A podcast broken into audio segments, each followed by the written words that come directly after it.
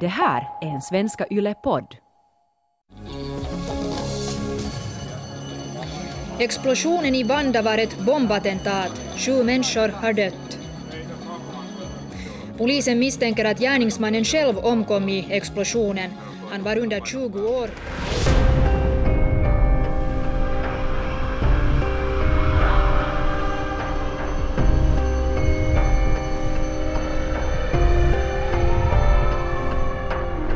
Du lyssnar till den tredje och sista delen av Bomben i Myrmanni, en serie i den finlandssvenska krimpodden. Mitt namn är Fanny Malmberg. Jag vaknade till väckarklockans alarm ungefär kvart över sju på lördag morgon. Min fru och jag hade för vana att åka till butiken direkt då den öppnade klockan åtta. Jag anade genast att något var fel när jag öppnade ögonen. Genom dörrspringan såg jag att lamporna fortfarande var tända på övervåningen. Jag gick direkt till Petris rum. Det var tomt. Eftersom Petri inte hade några vänner kunde han inte vara hos någon. Det var otänkbart. Jag började studera rummet mer ingående. Jag lade märke till en öppen anteckningsbok på bordet med ett löst rutigt papper som stack ut. Jag drog försiktigt fram pappret. Det var fullt av kemiska formler, fullt av de mest bisarra formlerna skrivna med Petris handstil. Jag förstod ingenting av dem. Då kände jag något litet och hårt under tån och tittade på golvet. På golvet låg små metallhagel. Det var likadana hagel som Petri använde i sitt luftvapen på sommarstugan. Hur kunde de vara här hemma? Vi hade ju den bara på stugan. Armas går systematiskt genom skrivbordslådorna, uppifrån ner. I en låda hittar han Petris radiostyrda bil som är tagen isär. Jag drog ut den nedersta lådan helt och lade den på golvet. Det var då min mardröm började. I sockeln under skrivbordslådan fanns tre kanistrar med nitrometan. Två var tomma. Den tredje kanistern var oöppnad. Det enda Armas kan tänka på i den stunden är att han måste leta reda på Petri. Han åker först till Dickusby bibliotek, halvspringer genom byggnaden, skannar efter Petri. Förgäves. Han springer tillbaka till bilen. Jag visste inte vad jag skulle göra. Vart var jag på väg? Trafikljusen blev gröna och jag vred ratten med båda händerna till höger och körde in till polisstationen. Jag sprang in.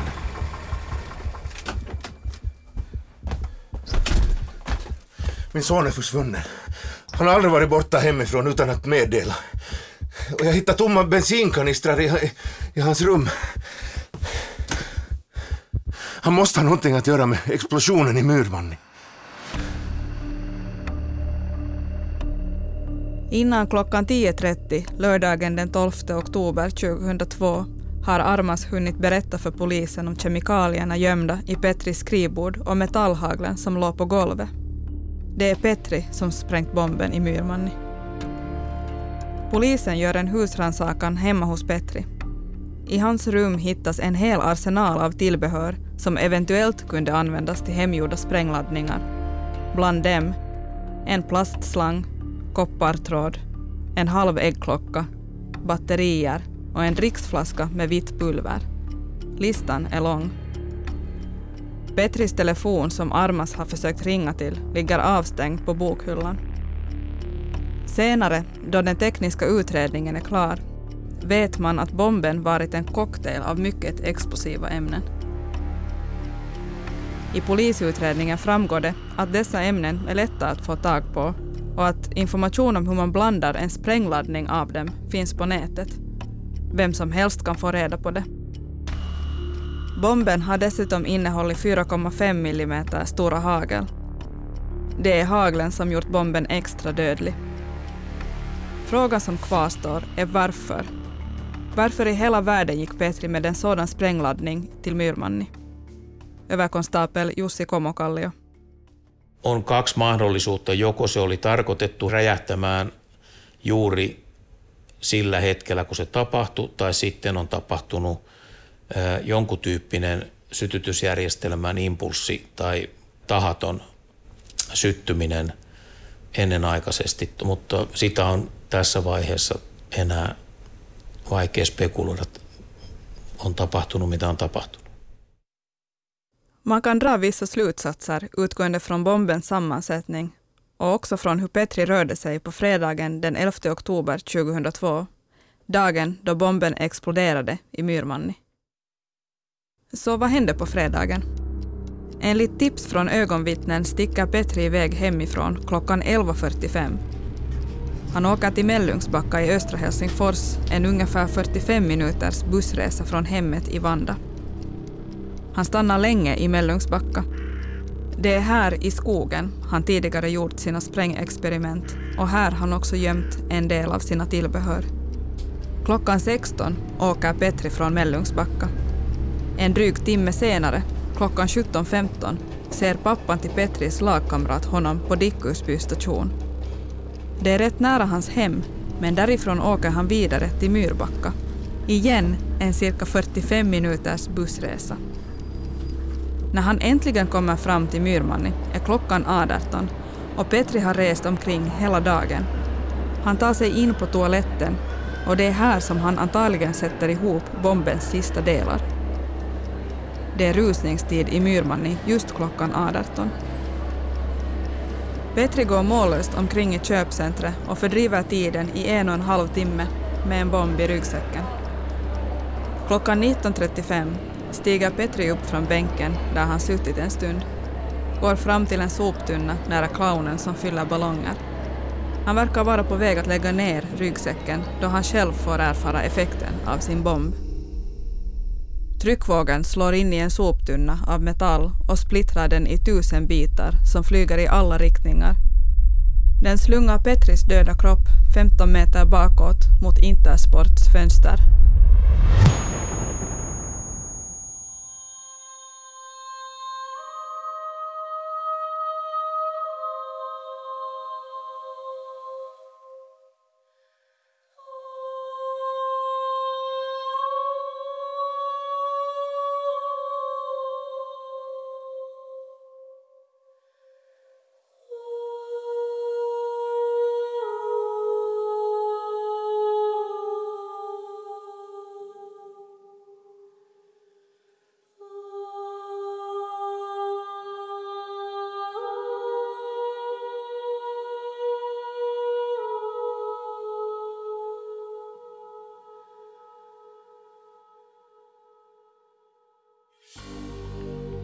De här är nu knappast de här mest högljudda, protesterande, äh, kämpiga tonåringarna utan kanske mera såna här som, som på något sätt i tonåren är ensamvargar och säkert huserar liksom på internet och inte, inte har så mycket sociala kontakter på riktigt.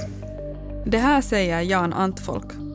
Han är biträdande professor i psykologi vid Åbo Akademi och ett av hans forskningsområden är rättspsykologi som undersöker individers brottsbenägenhet. De är de unga män som ofta har haft det väldigt svårt socialt hela livet eh, och de saknar resurser att ta sig fram eh, i sociala sammanhang och ofta varit väldigt ensamma och i vissa fall kanske också utstötta och mobbade. De här är kanske främst tystlåtna och försiktiga. De här personerna är smarta de klarar sig bra i skolan och det är lätt att tro att de trivs bra för sig själv. Och det är just på grund av det här som det är svårt att lägga märke till något som skulle tala om att ett brott är på väg att ske. Jag är övertygad om att explosionen just i Myrmannis aula bredvid papperskorgen var ett missöde. Jag känner min son så bra att jag inte kan tro att den var avsiktlig. Och med det uttryckliga syftet att döda oskyldiga. Nej, det är omöjligt. Petri var medmänsklig. Han hade inget hat mot andra människor. I sin bok Petrin matka Myrmannin skriver pappan Armas att han med en alltför hård uppfostran fick Petri att sluta sig helt. Han är rädd att det var denna klara sig själv-inställning som fick Petri att ensam bära allt det han kände var övermäktigt. Jag gjorde Petri till en person som inte kunde be om hjälp eller öppna sig för någon. Det var mitt värsta misstag. Om jag hade gjort annorlunda hade han kanske kunnat svälja sin stolthet och säga ”pappa, jag mår jättedåligt. Jag behöver hjälp”. Han ville in i det sista lösa sina problem själv. Precis som jag så många gånger hade predikat att en riktig finsk man gör. Det skulle vara kanske fel av mig att tänka eller beskriva det som att pappan har bidragit till vad som har skett. Ingen kan veta det.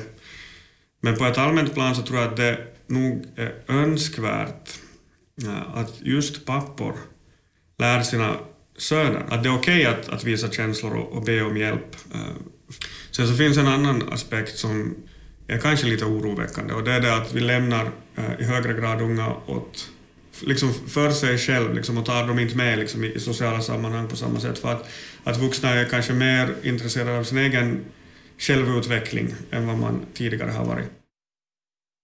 Det har föreslagits att Petri skulle ha varit på väg att lämna sin ryggsäck ovanpå papperskorgen eller på golvet bredvid den. Jag tror inte på det. Det är inte logiskt. Om Petri hade velat spränga bomben senare med en timer inne i Murmanni varför skulle han ha lämnat den på en så synlig öppen plats mitt i en aula ovanpå en papperskorg? Min slutsats är att Petris avsikt var att bara tillfälligt ställa ner ryggsäcken på papperskorgen och till exempel rengöra händerna eller vända bomben inuti ryggsäcken till ett bättre läge. Eller att ta något från ryggsäcken. Armas är övertygad om att Petri väntade på att det skulle bli tillräckligt mörkt och folktomt så att han i fred kunde utföra sitt experiment i skogen intill Myrmanni. Men den 11 oktober går solen ner 18.30.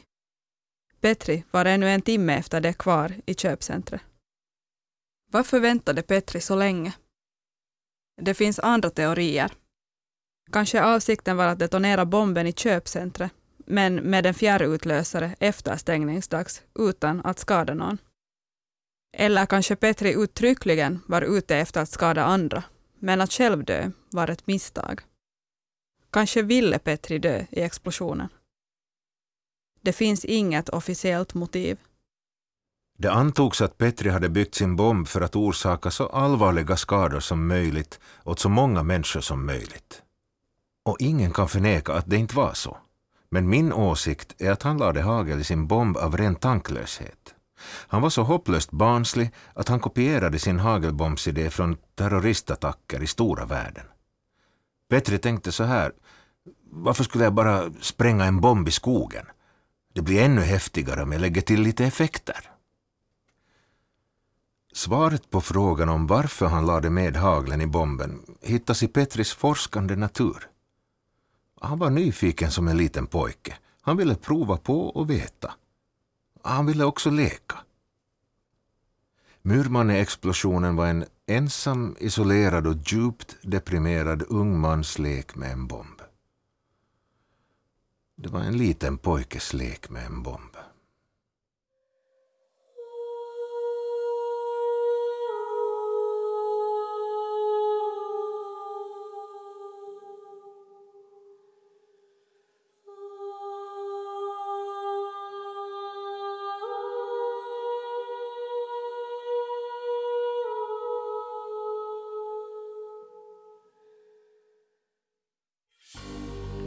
Kanske är det av ren barnslig nyfikenhet som Petri lägger hagel i bomben. Men det är ändå med vetskapen om att haglen gör bomben ännu värre.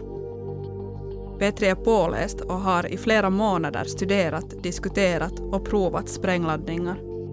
Överkonstapel Jussi Komokallio kan köpa teorin om att explosionen, då den inträffade, var ett missöde.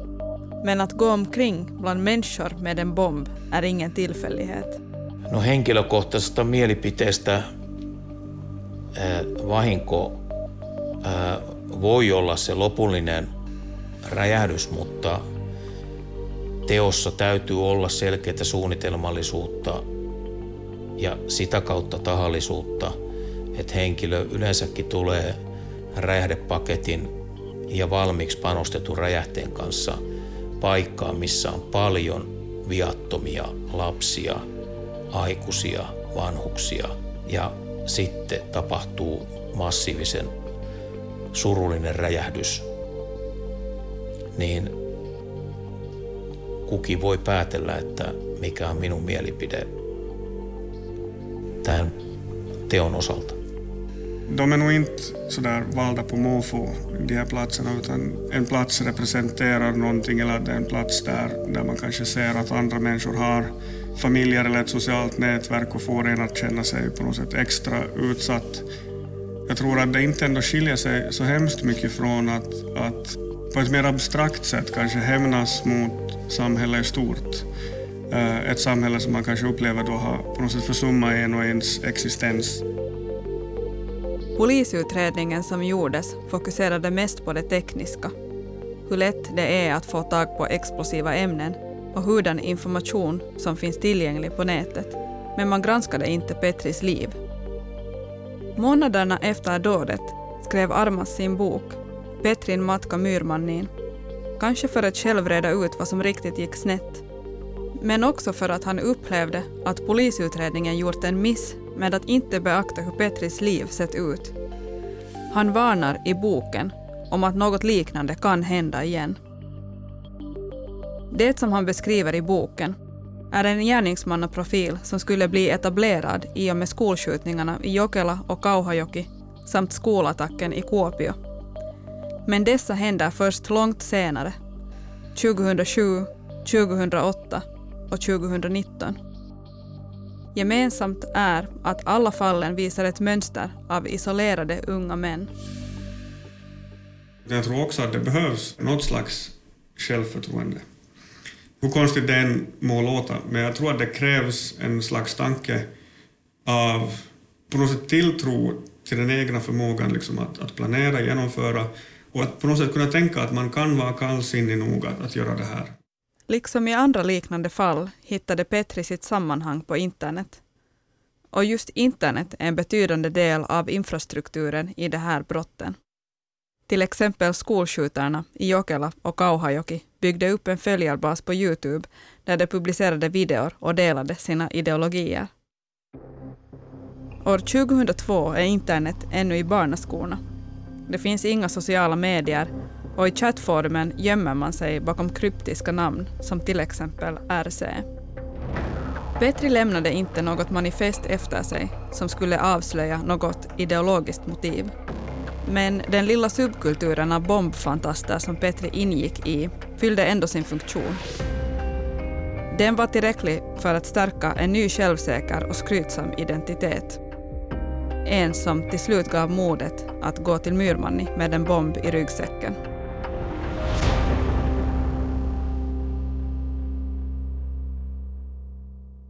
Kari Turunen som skadades i explosionen spenderade en månad på sjukhus. Han fick så svåra nervskador att han varken kan stå eller sitta stilla i långa perioder. Av explosionen fick han tinnitus som han lyckas glömma bort bara om han distraherar sig själv. På grund av skadorna kunde Kari aldrig återvända till jobbet.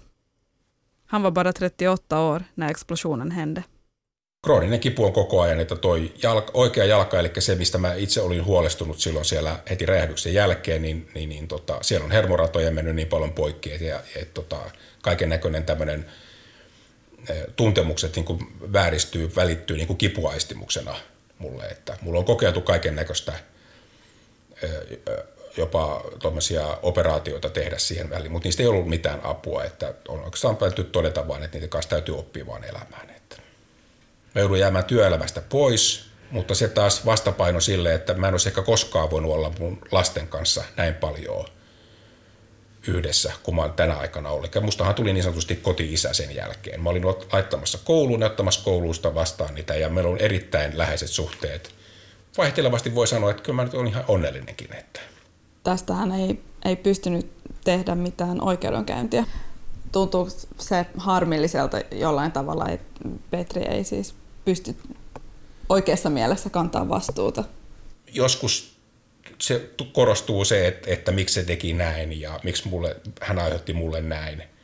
Sitten taas toisena päivänä ajatukset on niin päin, että hän sai sen pahimman rangaistuksen, hän menetti henkensä siihen.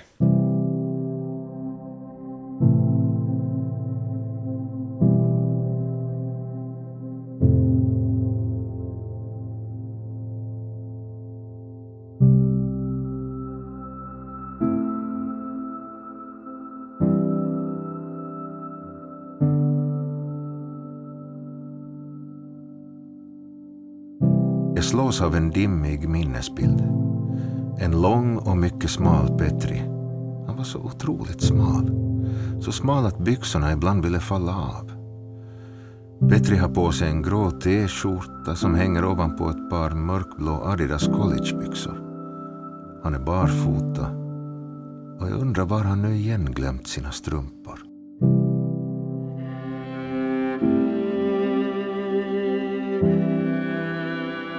Du har hört sista avsnittet av Bomben i Myrmanni, en serie i den finlandssvenska krimpodden.